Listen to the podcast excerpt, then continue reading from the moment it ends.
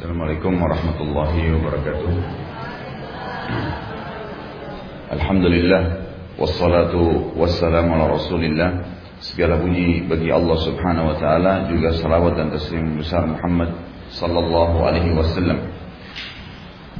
Pertama-tama saya mohon maaf karena terlambat tadi agak macet Dan jam kita yang di atas ini kayaknya belum diganti baterainya dari minggu lalu ya. Memang ini lebih setengah jam jadi sekarang jam 9-an. Sampai hadis nomor berapa? Sekarang 831 ya. Baik, 831 saya bacakan. Wa an Abi Ayyub wa an Abi Ayyub al-Ansari radhiyallahu anhu qala Sami'tu Rasulullah sallallahu alaihi wasallam yaqul man farraqa baina walidatin وولدها فرق الله بينه وبين أحبته يوم القيامة. رواه أحمد وصححه الترمذي والحاكم ولكن في إسناده مقال وله شاهد.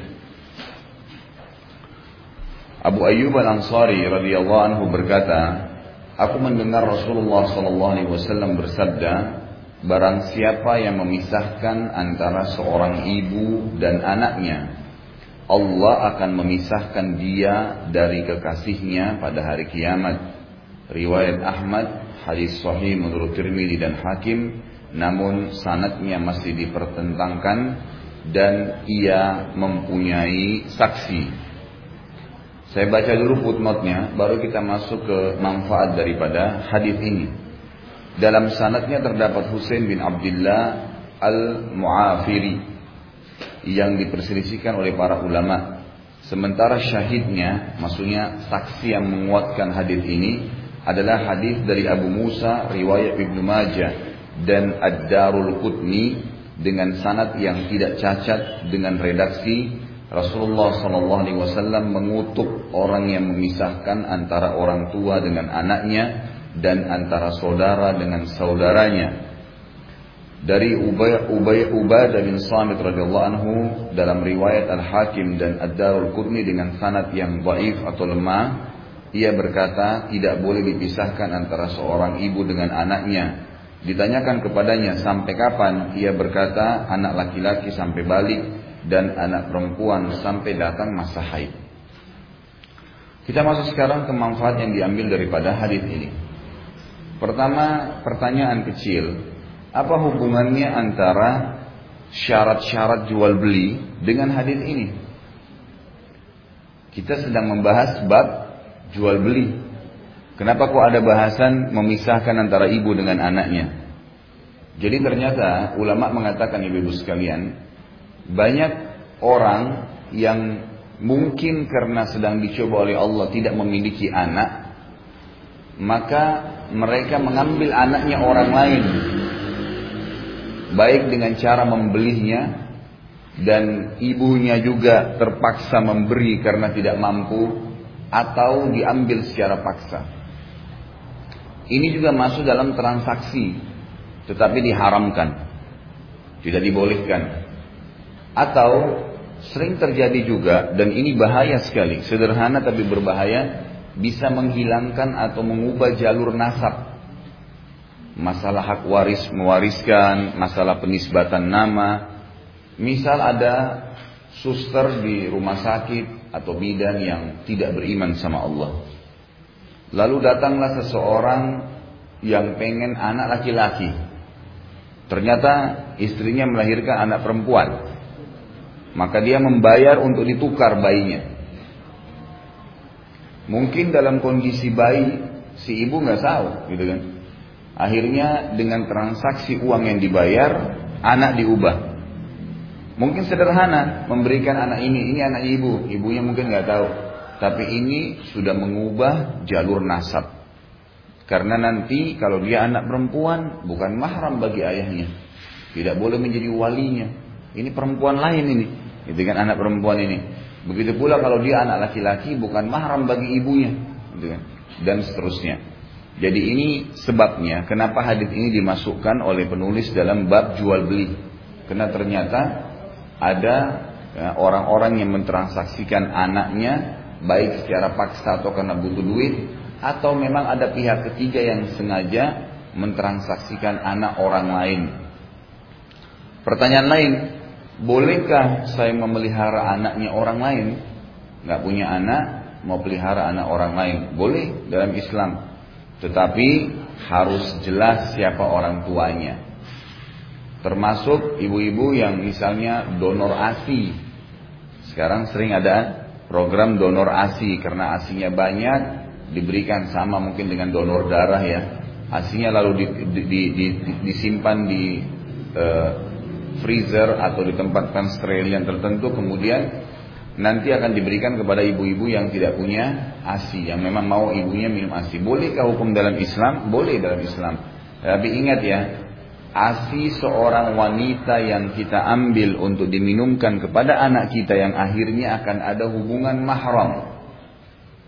Anak bayi kalau minum tiga kali, bahkan ada pendapat yang mengatakan sekali saja sampai dia kenyang susu seorang wanita lain, maka sudah menjadi ibu susunya.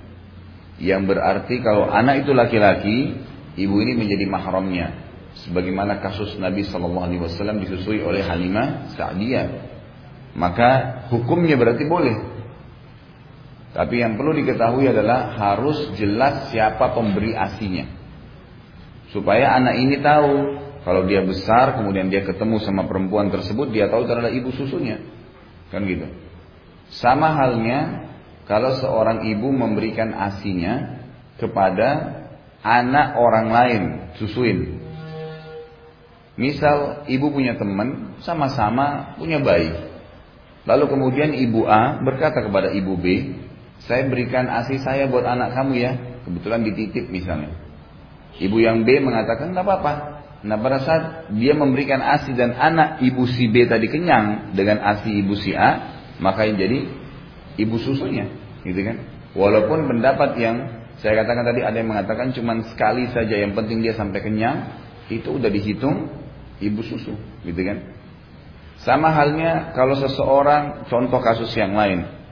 Ada temannya dititipin anak, kemudian dia juga lagi menyusuin, anak temannya juga lagi sementara masa penyusuan, kemudian disusuin nama dia. Tanpa minta izin atau tanpa dimohon oleh ibunya si bayi tersebut. Misal karena dia cuma lihat kesian, kemudian diminumkan sama dia. Hanya karena kasih sayang gitu. Ini dalam hukum syari, dia harus membahasakan kepada temannya, tadi saya sudah susui anak kamu. Jelas ya? Karena kapan kalau dia tidak bahasakan dan anaknya sudah kenyang, sampai tertidur, maka itu berarti sudah jadi ibu susunya. Juga berhubungan dengan masalah ini bu, Kalaupun ibu mau menyusui anaknya dari wanita lain dalam Islam dibolehkan, tetapi cari wanita yang baik-baik.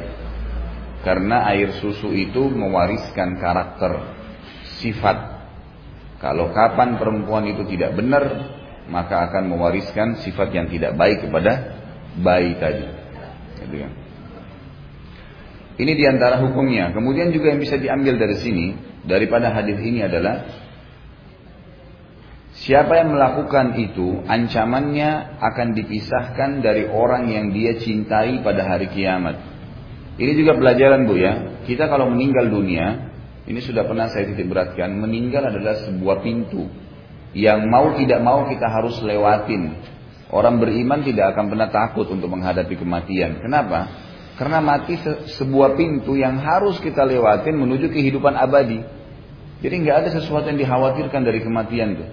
Kalau orang yang beriman, yang penting ibu selama hidup di dunia komitmen menjalankan perintah, menikmati yang halal, menjauhkan yang haram semaksimal mungkin. Kalau salah meminta maaf sama Allah, udah, insya Allah nggak ada masalah. Mati itu hanya hitungan detik, malaikat datang mencabut ruh, kemudian kita akan menuju kepada kehidupan yang abadi. Justru itu targetnya hidup di sana. Kan? Nah sekarang jangan sampai kita juga harus tahu pada saat sudah mati di sana, sebagaimana kita kumpul dengan keluarga kita di dunia, kita juga akan kumpul bersama mereka di akhirat. Yang penting syaratnya satu. Emang sama imannya dan amal solehnya. Gitu kan? Jadi jangan sampai satu kafir, satu beriman. Maka tetap akan berkumpul di akhirat nanti. Jadi sabda Nabi Shallallahu Alaihi Wasallam siapa yang memisahkan antara ibu dengan anaknya Allah pun akan pisahkan dia dari orang-orang yang dia cintai hari kiamat. Artinya Allah tidak akan satukan dia. Misal dia pisahkan ibu sama anaknya, dia pun nanti hari kiamat dipisahkan antara dia dengan anaknya. Dia pisahkan antara saudara dengan saudaranya, maka juga di hari kiamat dipisahkan dengan saudaranya dan seterusnya. Seperti itu yang dimaksud dengan hadis ini. Pelajaran yang lain yang bisa diambil di sini dari bahasan ini adalah adanya hak asuh. Adanya hak asuh. Kalau terjadi perceraian antara seorang laki-laki dan istrinya perempuan, kemudian punya anak. Dalam hukum syar'i yang disepakati oleh jumhur ulama, kalau anak-anak laki-laki itu sudah sampai dan anak perempuan di umur tujuh tahun, Tujuh tahun ini namanya sinut tamiz. Sudah bisa membedakan jenis kelamin. Udah tahu kalau ini laki-laki ini perempuan umur tujuh tahun. Kalau umur tujuh tahun, anak laki-laki diberikan khiar, pilihan. Kalau udah bisa nih, mau ikut ayahnya atau mau ikut ibunya. Di umur tujuh tahun ya. Di bawah tujuh tahun mutlak ikut ibunya. Ikut ibunya. Di bawah tujuh tahun ikut ibunya. Tapi kalau sudah sampai umur tujuh tahun, maka diberikan pilihan. Ada pendapat yang kedua mengatakan pada saat dia sudah balik, diberikan pilihan. Berarti sekitar umur 12 sampai 14 tahun diberikan pilihan ikut ibu atau ikut ayahnya. Ini anak laki-laki.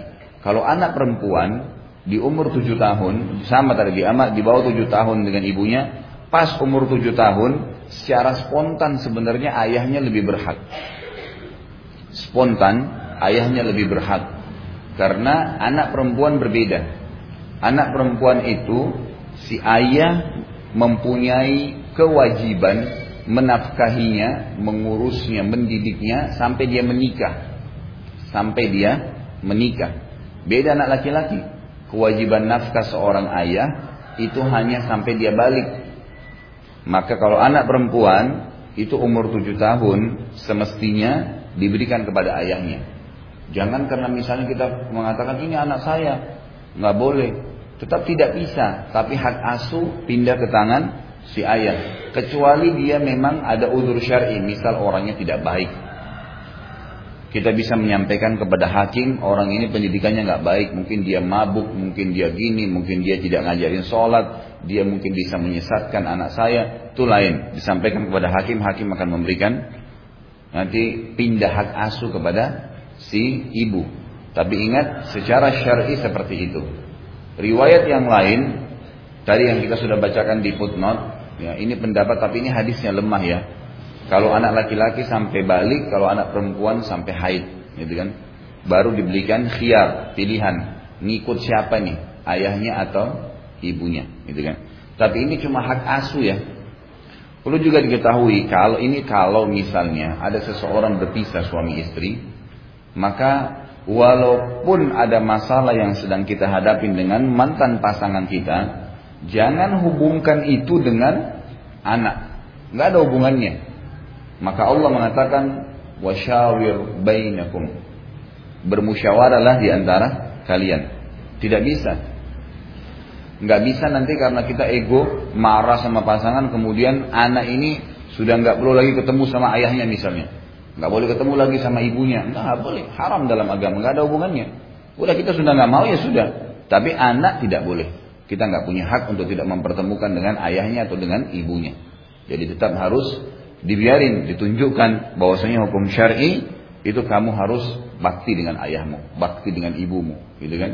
Disuruh telepon, kalau perlu kita yang suruh telepon kalau tinggal bersama sama kita di rumah, diantarin ketemu, gitu kan? Kita nggak perlu ketemu, nggak ada masalah. Kalau emang sudah tidak merasa cocok gitu kan. Walaupun sebenarnya perpisahan dalam Islam itu adalah jalan terakhir. Kalau sudah tidak ada lagi hal-hal yang bisa diperbaikin.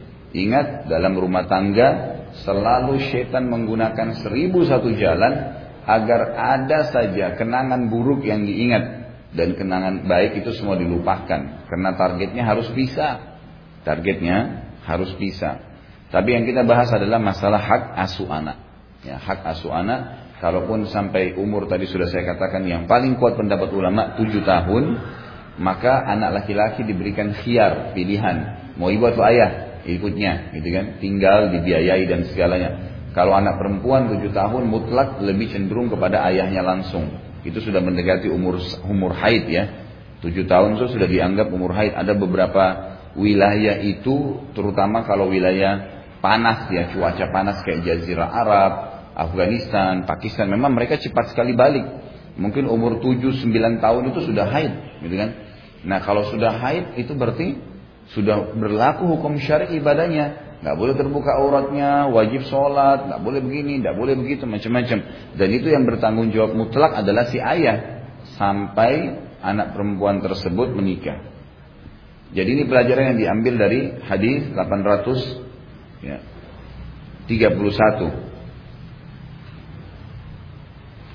832 وعن علي بن أبي طالب رضي الله عنه قال أمرني رسول الله صلى الله عليه وسلم أن أبيع غلامين أخوين فبئتهما ففرقت بينهما فذكرت ذلك للنبي صلى الله عليه وسلم فقال أدركهما فارتجعهما ولا تبعهما إلا جميعا rawahu Ahmad wa rijaluhu thiqat wa qad sahahu Ibnu Khuzaimah wa Ibnu Jarud wa Ibnu Hibban wal Hakim wa Tabarani wa Ibnu Qattan Ali bin Abi radhiyallahu anhu berkata Rasulullah SAW pernah menyuruhku untuk menjual dua orang budak kecil bersaudara.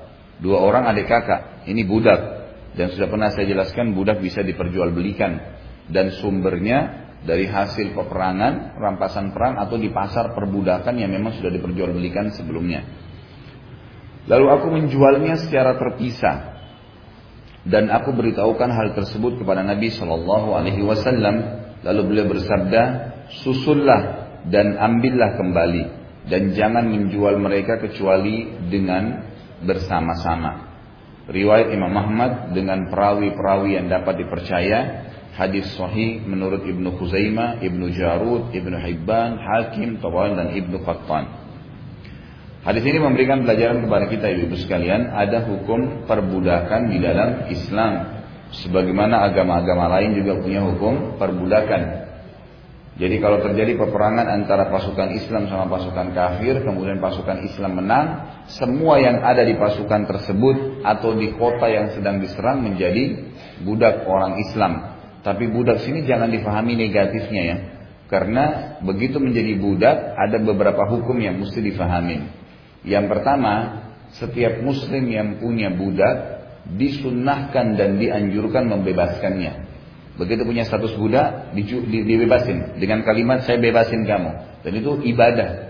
Ya, dan itu ibadah kepada Allah Subhanahu wa taala.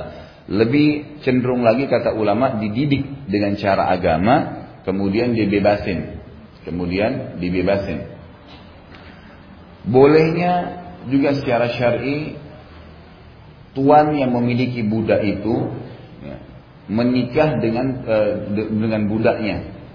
Kalau perempuan memiliki budak laki-laki, maka dia harus membebaskan dulu budak itu, mengatakan saya bebasin kamu lalu menikah dengan dia. Jadi tidak boleh menikah dalam kondisi laki-laki itu masih dalam keterbudakan. Kalau perempuan boleh tuannya menikahinya dalam kondisi dia budak. Tidak harus dibebasin. Karena memang tetap dia akan dibawa naungan suaminya. Yang ketiga, bolehnya budak itu melakukan mukatabah. Mukatabah itu dia e, sepakat sama tuannya mengatakan saya akan berapa kira-kira nilai saya kalau saya mau bebas. Kata tuannya 100 juta misalnya.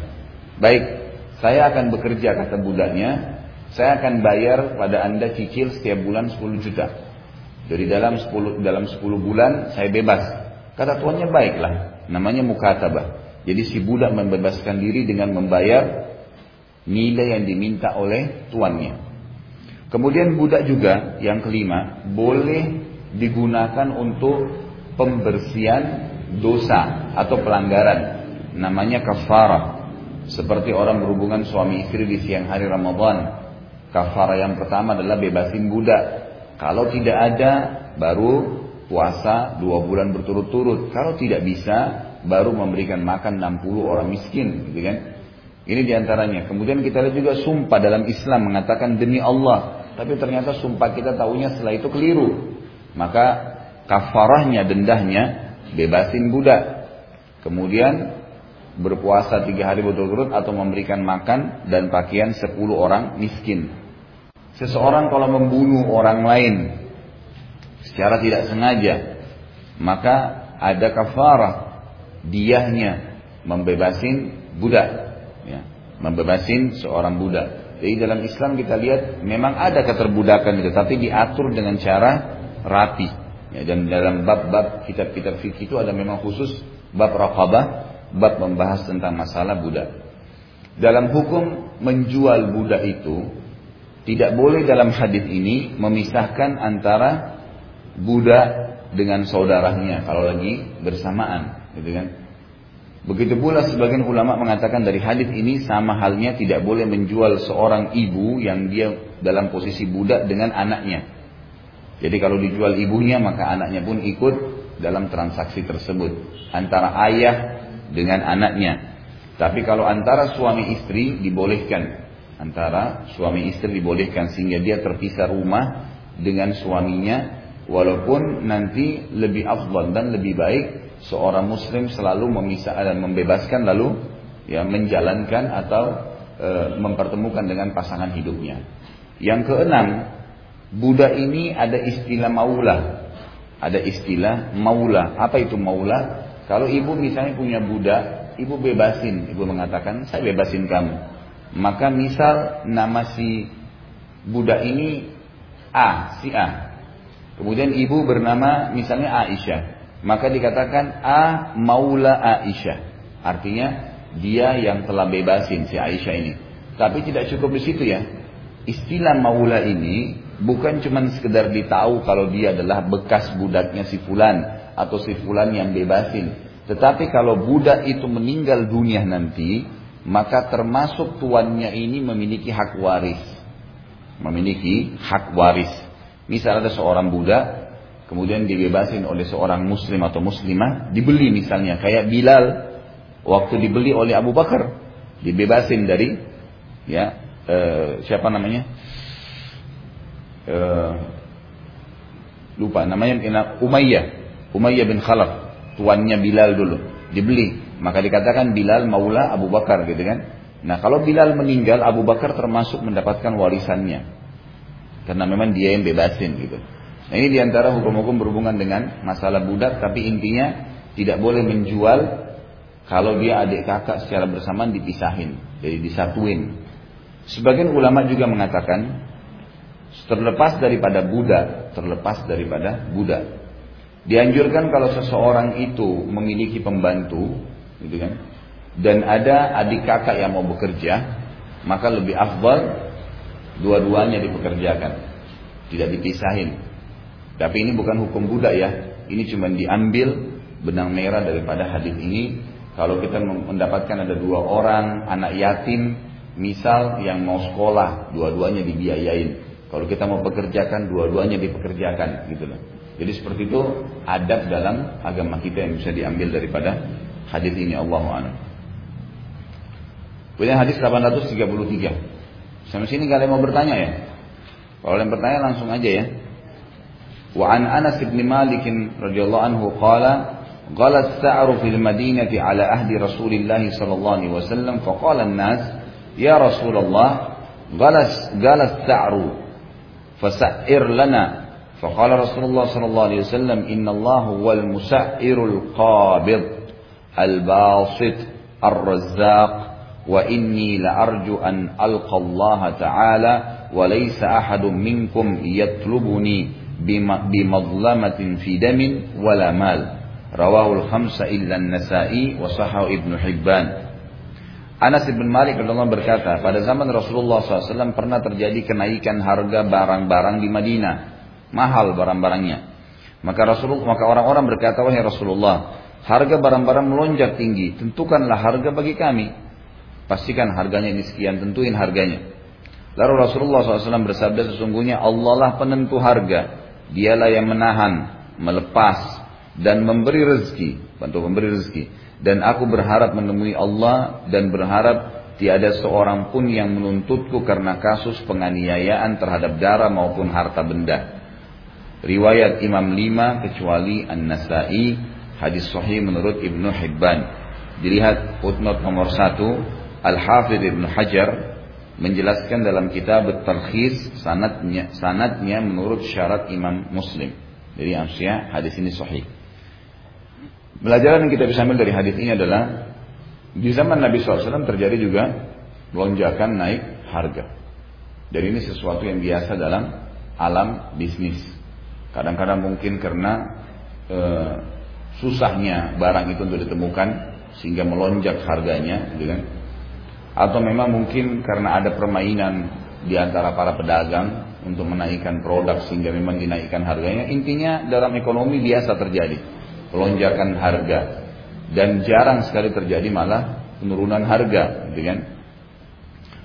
Pelajaran yang kedua, Nabi Shallallahu Alaihi Wasallam waktu diminta untuk menentukan harga karena melonjaknya, beliau menolak dan ini berarti juga pihak pemerintah tidak boleh menentukan harga sementara harga itu memang lagi susah untuk ditentukan ya. Bukan berarti tidak boleh ditentukan secara mutlak enggak. Ini kan sedang terjadi kasus. Misal bawang tadinya harganya 5000 Misal per kilo ini contoh saja. Tiba-tiba panen pada tahun itu berkurang, naik harganya menjadi 10 ribu. Orang-orang pada berlomba-lomba menjual 10 ribu. Sebenarnya harganya sudah ada 5 ribuan. Mungkin juga pemerintah sudah tentukan sebelumnya 5 ribu. Tapi dia melonjak karena barangnya jarang dan pemerintah membiarkannya gitu kan. Nah di sini pemerintah tidak boleh mengatakan sekarang jual 10 ribu, nggak usah ikut-ikutan. Tetap dia ada dengan harga yang pertama. Karena ini kebetulan karena ada kasus saja. Dia pasti akan reda di satu waktu. Yang dimaksud ini tidak boleh adalah pada saat lagi melonjak, pemerintah ambil alih kemudian ditentukan dengan harga yang tertinggi akan menyusahkan masyarakat. Makanya ini difahamin daripada penutur atau tuturan Nabi Shallallahu Alaihi Wasallam yang mengatakan sesungguhnya Allah lah penentu harga. Artinya nanti dengan sendirinya dari mana kita bisa tahu nih bawang harganya sekian, Ya, bawang merah sekian, bawang putih sekian, cabai sekian. Kesannya kan kita yang menentukan ya. Ini ulama mengatakan kalau kita berbicara secara imania, memang Allah lah yang menentukan harga-harga itu sebenarnya, gitu kan? Yang sudah umum diketahui oleh masyarakat. Nanti mereka tinggal mengikuti saja ya apa yang terlintas di hati mereka untuk menentukan harga. Makanya Nabi Shallallahu Alaihi Wasallam mengatakan Allah lah penentu harga. Ini yang difahami dari potongan kalimat ini. Dialah yang menahan, melepas, dan pemberi rezeki. Artinya terjadinya juga panen yang tidak maksimal itu tidak lepas dari Allah Subhanahu wa taala. Jadi pasti ada sebabnya kenapa Allah lakukan itu sehingga terjadi penaikan harga yang tinggi misalnya. Nah, seperti itu.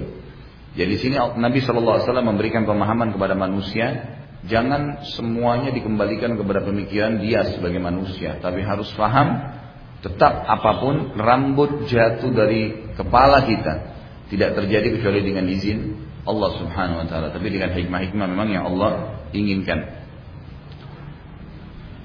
Dan aku berharap di sini alasan kenapa Nabi SAW tidak terima beliau tentukan harga pada saat lagi melonjak menemui Allah dan berharap tidak ada seorang pun yang menuntutku karena kasus penganiayaan terhadap darah maupun harta benda.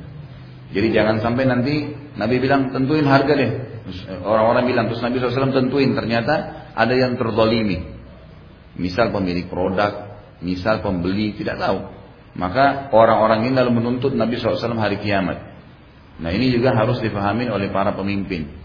Jangan sampai mereka berbuat kezaliman karena satu kezaliman, satu keputusan yang salah dari seorang pemimpin itu akan merata efeknya kepada seluruh masyarakat, gitu kan? Sekali dia naikin sebuah produk misalnya, seluruh masyarakat rasain. Ya. Dan berapa banyak orang yang dia harus pertanggungjawabkan di depan Allah di kiamat kalau dia zalim. Lain kalau benar-benar karena kasus, karena masalah. Nggak bisa negara keadaannya begini misalnya, benar-benar keadaannya begitu, oke lain. Tapi kalau dia sengaja saja naikin mungkin untuk kepentingan pribadinya, mungkin hanya untuk uh, apalah ya, ya maslahat-maslahat tertentu buat dirinya atau buat orang lain, pedagang-pedagang misalnya. Ya, orang sengaja naikin produk dan seterusnya karena banyak pedagang-pedagang juga yang licik ya. Pada saat dia masuk kepada para pemimpin, dia sengaja memasukkan produk tersebut dengan harga yang tinggi Kemudian dia memberikan persentase buat pemimpin dari harga itu sehingga di ACC dan diterapkan. Orang terpaksa harus ikutin kena peraturan pemerintah. Tapi pedagang ini mendapatkan keuntungan. Mungkin produknya tidak seperti yang diharapkan kualitasnya. Mungkin tidak dibutuhkan oleh masyarakat. Mungkin harganya tidak masuk di akal. Walaupun di dalam Islam dibolehkan bertransaksi atau menjual barang dengan harga yang tidak terpatok. Misal, saya beli barang 10 ribu rupiah, saya mau jual sejuta boleh nggak Ustaz? Boleh. Dalam Islam tidak ada larangan. Karena tidak ada penentuan harga, gitu kan? Kita beli produk atau misal ada orang menghadiahkan kepada kita jam tangan hadiah. Ternyata pada saat kita mau jual butuh duit, harganya memang mahal. Ya sudah, gitu kan? Itu bukan hal yang melanggar syar'i, nggak ada sesuatu yang salah di situ. Jadi ini pelajaran-pelajaran yang diambil dari hadis 833 tentang utamanya tidak bolehnya seorang pemimpin menentukan langsung harga pada saat lagi bergejolak sehingga khawatir mendolimi orang lain. Gitu kan. 834 wa an Ma'mar ibn Abdullah radhiyallahu anhu an Rasulillah sallallahu alaihi wasallam qala la yahtakiru illa khati'un rawahu Muslim dari Ma'mar bin Abdullah radhiyallahu anhu bahwa Rasulullah SAW bersabda tidak akan menimbun barang kecuali orang yang berdosa. Riwayat Imam Muslim. Ada orang sengaja nimbun barang banyak. Ini tidak boleh dalam Islam. Dengan alasan supaya atau dengan tujuan supaya pasar kosong nanti dia milikin semua lalu dinaikin harga. Ini jelas perbuatan dia berdosa. Tidak boleh. Dari sisi lain difahami juga dari hadis ini bahwasanya dianjurin setiap orang yang mau sukses dagang itu begitu ada barang ada yang nawar jual selesai. Udah nggak usah ditahan ya kan? Kalau mau mengikuti bisnis yang dianjurkan dalam agama kita dan yang Nabi Shallallahu Alaihi Wasallam ya anjurkan setiap ada barang kita kemudian sudah ada yang nawar, kita udah tahu itu harganya cocok, nggak usah lagi berangan-angan. Mungkin ada orang yang beli lebih mahal, itu nggak usah pikirin. Dalam hukum syari, kalau niat jual-jual aja, dengan izin Allah itu sudah terbaik insya Allah. Berapa banyak orang malah sebaliknya kan? Begitu produk ada nih, kemudian ditawar produk dia.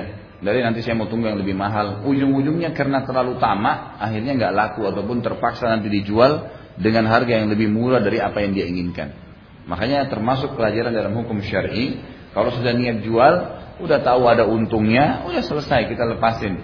Nanti beli lagi produknya, ya, yang lain, kemudian kita dagang lagi dan seterusnya. Pedagang yang seperti ini, insya Allah dijamin akan lebih cepat perputaran uangnya, gitu kan? Yang bisa diambil juga dari hadis ini. Intinya nggak boleh nimbun barang ya, yang dia tujuannya untuk menarik nanti pasar ya supaya memang habis di pasaran kemudian dijual mahal sama dia. Beda kalau kita nimbun barang ini dalam arti kata untuk kebutuhan bulanan, beli beras sekian karung untuk kebutuhan rumah itu lain. Ya, ini tidak masuk dalam larangan. Ini hanya untuk orang yang dagang saja, sengaja untuk meraut keuntungan yang lebih dengan cara membeli semua apa yang di pasar. Kan ini lagi mendunia ya sekarang. Kasus waktu Indonesia lagi krisis kan begitu. Datangnya Soros di Indonesia, dia beli semuanya dolar awalnya, gitu kan dihabisin, kemudian di pasaran bersih. Orang pikir, oh iya untung dilebihin sekian rupiah saja. Kemudian setelah habis di pasaran, di Indonesia habis stok dolarnya, naik, menjolak, menjolak, gitu kan.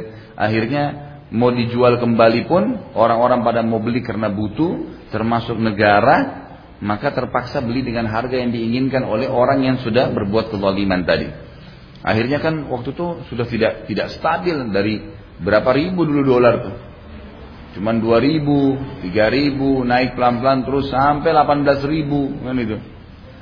Akhirnya semua dirugikan.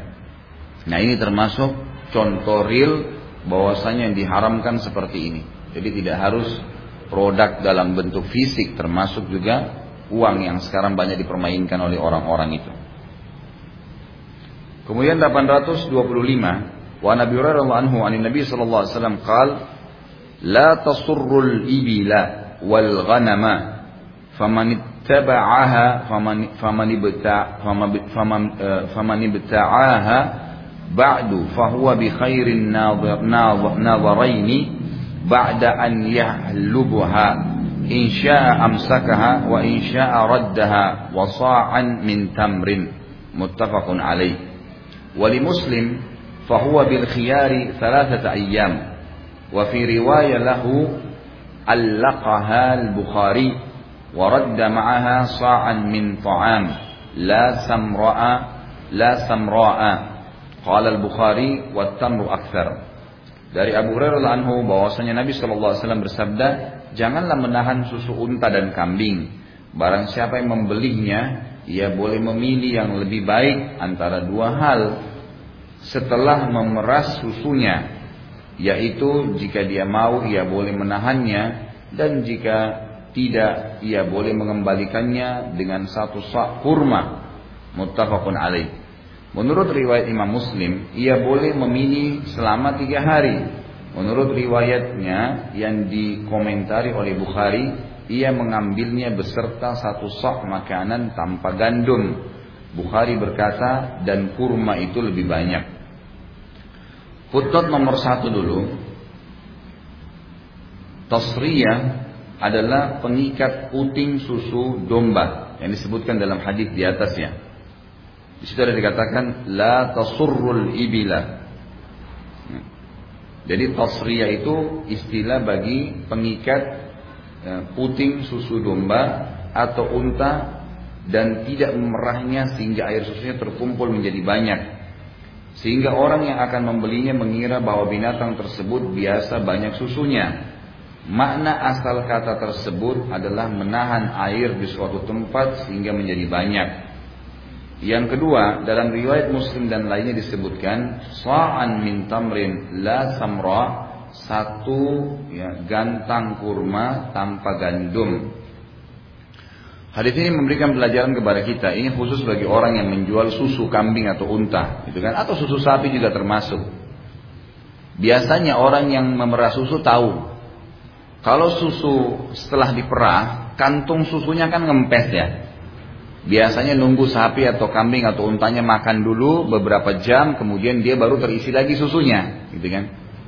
Nah, ada orang biasanya kalau dia orang eh, dulu ya, zaman dulu kan orang tidak pernah menaruh di botol atau dibuat kayak bubuk sekarang ya. Zaman dulu lebih banyak kena dengan hadis ini. Jadi orang biasanya kalau ada eh, pagi hari dibuka sama dia peternakannya, siapa pun yang mau datang merah susu, gitu kan, dijual sama dia. Kadang-kadang dijual satu kantong susu itu Ya, misalnya satu kantong susu, kantong susu sapinya lagi penuh, lalu diperah sama dia sendiri oleh pembelinya. Ya berapa yang dia dapat dari kantong susunya itu, misal menjadi dua gelas, empat gelas, ya sudah. Harganya harga kantong susunya, bukan harga berapa banyak yang dia dapat. Itu ada juga di zaman dulu dijual dengan perahan. Berapapun yang dia dapatkan dihitung misalnya per nampan, gitu kan? Seperti itu. Tapi umumnya mereka menghitung kantong. Ada kasus-kasus yang terjadi di zaman dulu biasanya orang itu paling suka membeli susu dari sapi, dari unta atau kambing yang kantong susunya penuh. Bukan karena banyak, bukan karena banyak yang akan dia dapat, bukan karena itu. Karena umumnya hewan yang menyusui itu dianggap sehat kalau kantong susunya penuh. Nah, ada cara walaupun unta sama kambing itu kurus, bisa penuh kantong susunya, kelihatan kayak kuat, kayak seger, gitu kan? Dengan cara dibiarin penuh kantong susunya, lalu kemudian putingnya itu diikat, sengaja diikat, kemudian diberikan makanan tambahan, sehingga dia menyusui lagi, lebih penuh kantongnya. Kalau sapi atau unta atau kambing yang sehat, itu memang dia makan sedikit langsung penuh kantong susunya dan harus diperah. Kalau enggak akan numpah-numpah sendiri, gitu kan? Nah kasusnya adalah ada orang yang sengaja supaya dianggap untanya atau sapinya atau kambingnya ini sehat, maka sengaja diberikan makanan dan diikat. Mengikat ini ada hukum syari. Tidak boleh mengikatnya, gitu kan? Dia tidak boleh mengikatnya. Kemudian yang kedua diambil pelajaran, kalau seandainya seseorang membeli susu. Dia bilang, saya beli nih kantong susu sapi kamu nih. Berapa misalnya sekian dirham atau sekian rupiah lah dibeli. Kemudian pada saat dia sudah bayar, gitu kan, sebelum dia perah, dia mau batalin, nggak jadi. Atau mungkin ada yang sedikit dia perah, kemudian dia batalin, saya nggak jadi beli deh, saya nggak butuh susu sekarang. Bolehkah dia batalkan transaksinya? Boleh, tapi dengan syarat dia membayar supaya dikembalikan duitnya, dia membayar dengan satu ya satu genggam kurma. Ya, satu genggam kurma karena membatalkan transaksi ini. Apa alasannya kira-kira? Karena susu itu di kantong hewan kalau dibiarin ya, beberapa saat saja kalau gak dikeluarkan maka dia akan merusak. Dia akan rusak dengan sendirinya. Ya. Ini hampir sama semua dengan mungkin ibu-ibu pada saat menyusui juga itu kalau dibiarin tidak diberikan kepada bayinya dalam sehari itu malah sudah tidak bagus kualitasnya. Jadi memang harus dikeluarkan. Seperti itu juga pada hewan ini. Jadi tidak boleh dia menahannya. Orang yang sudah beli kemudian dia batalkan, berarti kesannya nanti ini lebih dekat kepada rusaknya susu itu. Maka dia harus untuk mengambil kembali uangnya membayar dengan satu genggam kurma. Kemudian ada lafaz Bukhari, fahuwa bil khiyari thalathata ayyam. Dia juga diberikan kesempatan untuk memilih sampai tiga hari. Di sini ulama menjelaskan yang dimaksud dengan dia diberikan kesempatan untuk memilih selama tiga hari. Kalau ada orang yang mau membeli susu kambing, sebelum dia bayar dia bilang, ini nanti jadi milik saya yang ada di kantong susu kambing ini. Kemudian dia belum bayar, tapi dia sudah bilang, pembeli juga sudah mengatakan baiklah saya akan jual kepada kamu. Seperti ibu kalau mau beli gelas ini misalnya, ibu bilang sama saya simpanin buat saya ya, nanti saya balik dari restoran habis makan baru saya beli. Berarti kan sudah ada omongan kalau produk ini disuruh simpan. Nah, kalau ada omongan seperti itu dalam hukum syar'i boleh pembeli dan penjual mempertahankannya tiga hari boleh mempertahankannya tiga hari. Setelah tiga hari batal dianggap sudah batal, udah boleh dijual ke orang lain. Tentu lebih aman, tidak usah ya. Kita mengatakan begini aja, kalau memang pasti mau balik, mau beli silahkan dibeli. Kalau enggak ya enggak, kecuali kalau memang kita mau terima hukumnya. Karena sekali kita bilang, ya udah nggak apa-apa deh, misal ya. Terus pembeli itu lupa, dia pulang ke rumahnya. Dia lupa, barang ini kita sudah simpanin buat dia. Maka tetap barang itu dipertahankan tiga hari. Tiga hari baru boleh kita jual lagi ke orang lain. Faham hukumnya ya? Itu yang dimaksud dengan fahuwa bil khiyari thalathati ayyam. Dia diberikan kesempatan untuk mengambil keputusan jadi atau tidaknya maksimal tiga hari. Jadi ini hadis-hadis yang di atau beberapa pelajaran yang diambil daripada hadis Bukhari Muslim ini. Hadis 836 wa Nabi wa Nabi Mas'ud radhiyallahu anhu qal man ishtara syatan muhallafatan faraddaha falyaruddaha ma'aha sa'an. Rawahu al-Bukhari wa zada al-Ismaili min tamrin. Ibnu Mas'ud radhiyallahu anhu berkata barang siapa membeli seekor kambing yang penuh susunya tidak diperas lalu ia mengembalikannya, maka hendaklah ia mengembalikannya beserta atau bersama satu sa' Riwayat Bukhari Al-Ismaili menambahkan satu sa' dari kurma. Lihat footnote nomor dua, muhaffalah artinya binatang yang tidak diperas susunya, binatang yang air susunya terkumpul banyak.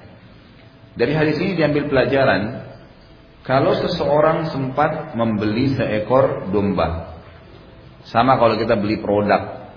Tapi di sini lebih cenderung dibahas masalah kambing yang memang ada susunya. Setelah kita beli sehari, mau dikembalikan kepada pembelinya. Kambing ini mau dikembalikan. Bolehkah dalam agama? Boleh dengan dua syarat. Yang pertama, sudah ada kesepakatan sebelumnya. Ini kalau saya tidak cocok sama kambing ini, saya akan kembalikan ya. Berikan saya waktu sehari, dua hari, tiga hari. Ada pembicaraan sebelumnya. Kalau ada pembicaraan ini berarti sudah masuk dalam syarat. Yang kedua, pada saat dikembalikan pun, kalau tadinya kambing ini punya susu, dan pada saat dibeli oleh pembeli susunya nggak diperah sama dia. Kan kalau dia beli, diperah susunya, itu hak dia, sudah punya dia kan. Pada saat dia mau kembalikan, tentu tidak mungkin bisa disamakan kadar susu yang ada pada saat dia beli. Maka dia mengganti khusus susu itu dengan satu sa. Satu sa itu sekitar dua setengah kilo. Boleh gandum, boleh kismis, boleh kurma. Ya, sebagaimana di sini ditambahkan oleh Ismaili, salah satu perawi hadis mengatakan yang dimaksud dengan satu sa adalah diisi kurma.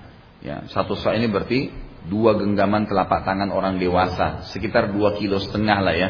Itu diberikan atau dikembalikan bersamaan dengan kambing yang dikembalikan kepada pemiliknya.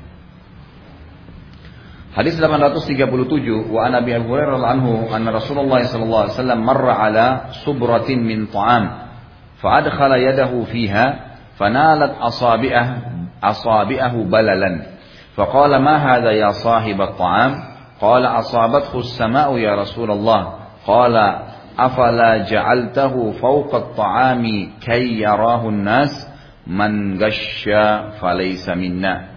Itu tolong diganti, ditambah titik ya bahasa Arabnya tuh.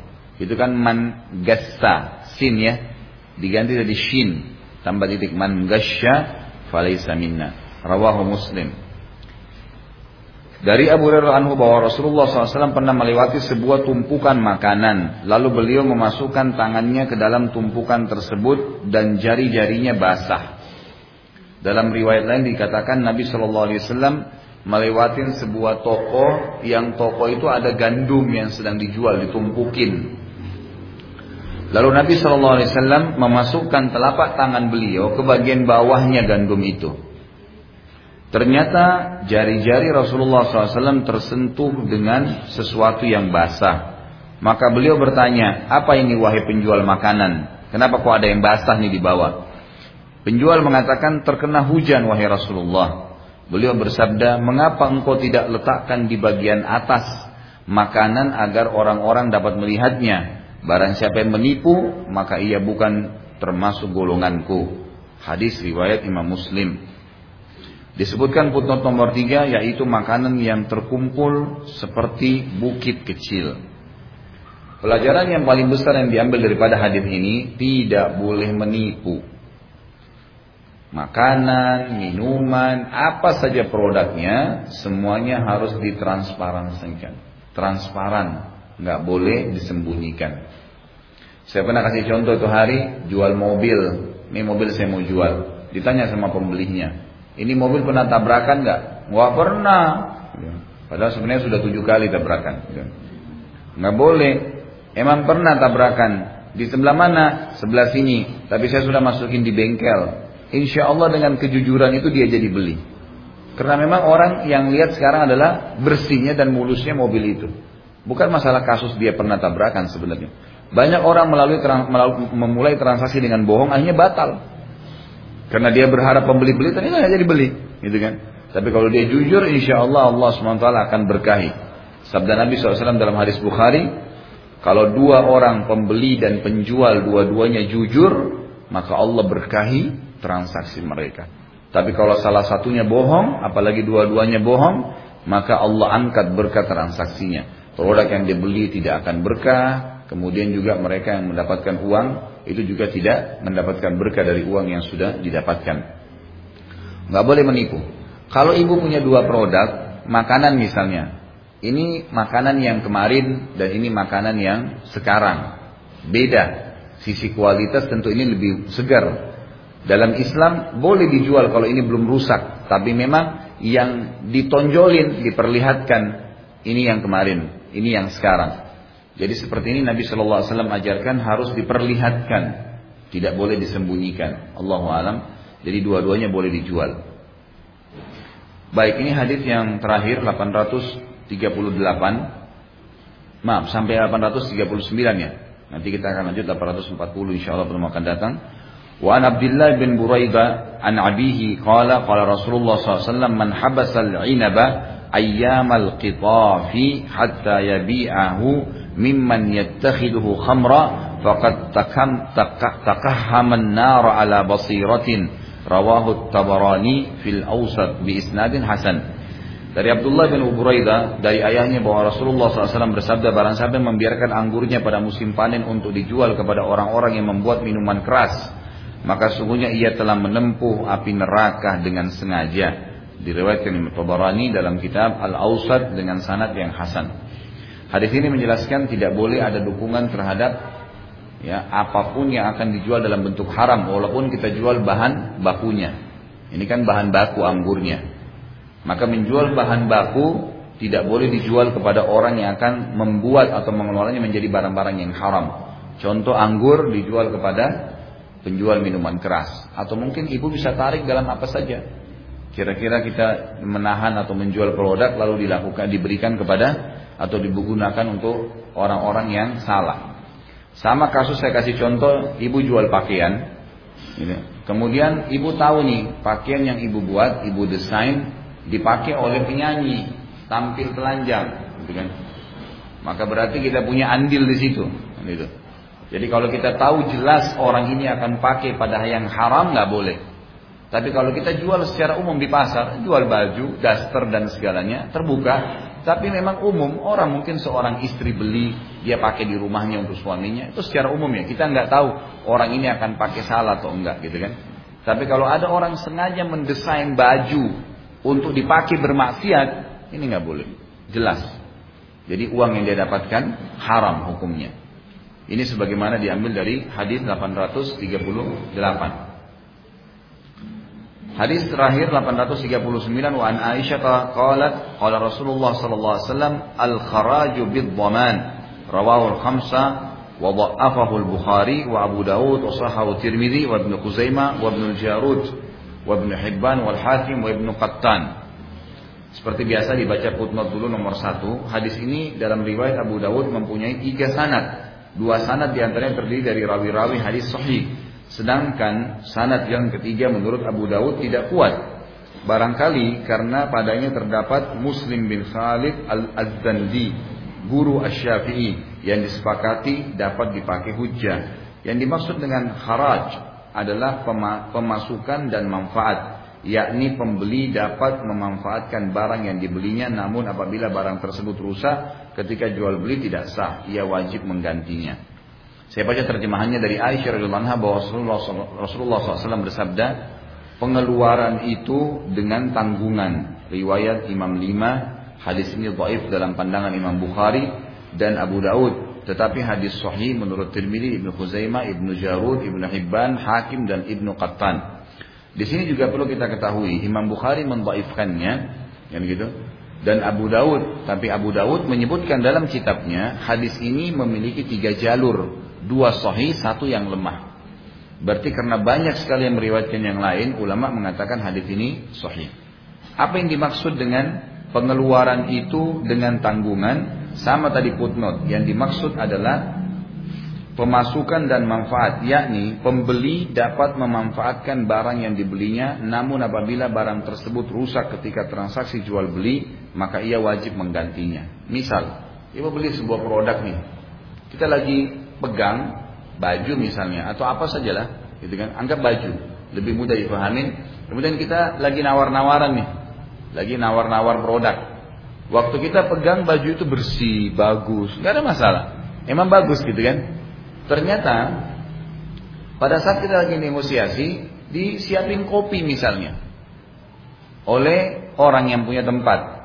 Kita sambil minum kopi, asyik ngobrol, kopinya tumpah di bajunya. Jadi rusak bajunya nih. Atau misal seseorang sepatunya kotor, menginjak baju yang berwarna putih sehingga jadi kotor bajunya. Bagaimana sekarang ini?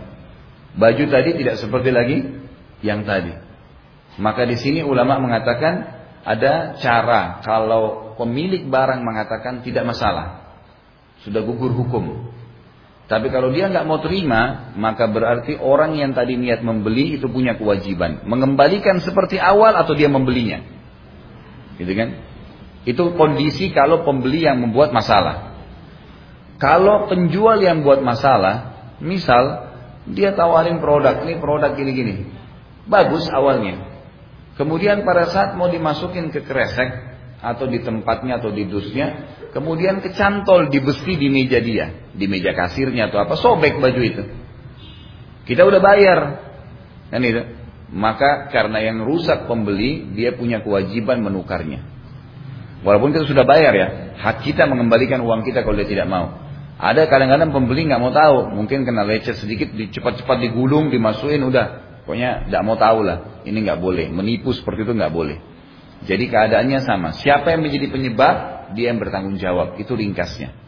Makna daripada hadis di sini pengeluaran itu dengan tanggungan, artinya siapa yang melakukan kesalahan, dia yang bertanggung jawab, gitu kan? Jadi dia harus melihat terhadap produk yang ditransaksikan. Allah alam. Jadi insya Allah mungkin sampai di sini bahasan kita pada kesempatan ini dan e, seperti biasa ada beberapa buku-buku yang saya referensikan kalau ada ibu-ibu yang terfikir kemarin itu banyak sekali yang bertanya masalah zakat. Jadi saya lihat buku ini yang paling bagus untuk zakat dan cara praktis menghitungnya. Buku panduannya. Kemudian yang sisa ini buku-buku kecil seperti pedoman safar. Seringkali pertanyaan hampir sama. Kalau saya safar bagaimana saya kosar, apa doanya dan seterusnya, maka ada di buku ini. Ini sifat sholat sunnah Nabi. Kemudian ini fadilah, buku menjelaskan tentang fadilah orang nuntut ilmu dan menjadi ulama. Seperti ibu hadir di majelis ilmu begini tuh fadilahnya besar. Ditambah lagi, gitu kan, kalau kita sampai pada tingkat mengajarkan kepada orang lain, menjadi seorang alim. Tapi ada konsekuensi.